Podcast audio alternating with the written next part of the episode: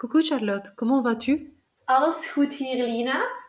Zeg, ik was net aan het nadenken over mijn financieel plan. En jij? Ah, quelle coïncidence, moi aussi. Je réfléchis à mon plan financier. Echt? Hoe ziet jouw financieel plan er dan uit?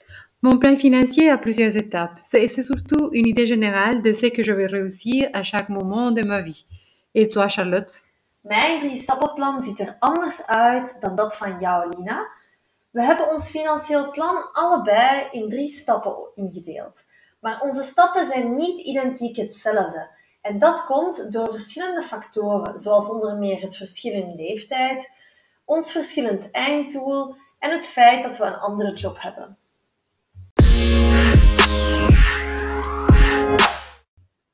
Pourquoi avoir un plan financier?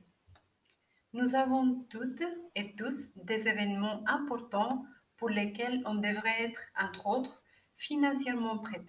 Un voyage, une année sabbatique, mariage, enfant, une maladie grave. Dans mon cas, je voudrais avoir la tranquillité qu'en cas d'une adversité, je puisse arrêter de travailler pour une longue période. Mon grand objectif est de devenir financièrement indépendant, concept qu'on développera plus tard. Nos plans sont surtout notre nord et ils sont flexibles.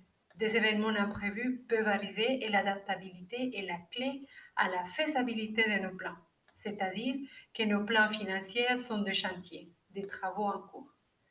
Mais mon objectif est, est- abstrait. Un plan financier, c'est une façon de matérialiser mon rêve. J'ai conçu mon plan financier en trois étapes, comme Charlotte, mais nos situations ne sont pas les mêmes. En principe, le plus tôt on conçoit un plan financier, le mieux. Mais pas de panique. On peut toujours créer un plan, financier, peu importe quel âge, à quel âge. La situation de Charlotte, elle est différente. Donc, elle a 27 ans, elle n'a pas d'enfant, comme moi. Mais moi, par contre, j'ai 36 ans. Je n'ai pas énormément de temps à perdre, mais cela ne m'empêche pas de prendre du temps pour m'arrêter et prendre du recul par rapport à mes objectifs.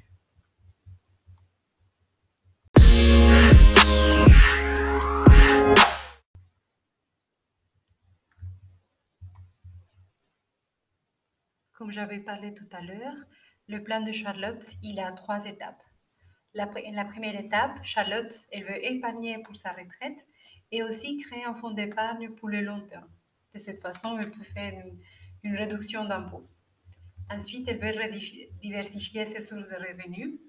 Elle veut acheter son premier logement. Elle veut aussi créer un fonds d'urgence en cas d'un événement inattendu, dont c'est 3 à 6 mois de salaire. Ensuite, Charlotte, elle veut aussi euh, louer une chambre et un garage box de son appartement. Et donc, ça sera sa première source de revenus passifs. Pour la deuxième étape, elle veut s'acheter une voiture ou utiliser une application de partage de voitures comme Cambio. Ça, c'est disponible en Belgique. Elle veut commencer à investir dans la bourse ou et dans des trackers, ETF, de ça on parlera plus tard. Elle veut aussi générer sa deuxième source de revenus passifs via ses investissements boursiers. Finalement, la troisième étape, c'est d'acheter son premier logement d'investissement. Donc, ce sera sa troisième source de revenus passifs. Et elle veut aussi commencer son propre projet d'entrepre- d'entrepreneuriat, son entreprise. Mon plan, il est aussi en trois étapes. Donc, euh, dans la première, je veux m'acheter mon premier logement. Je veux aussi diversifier mes sources de revenus.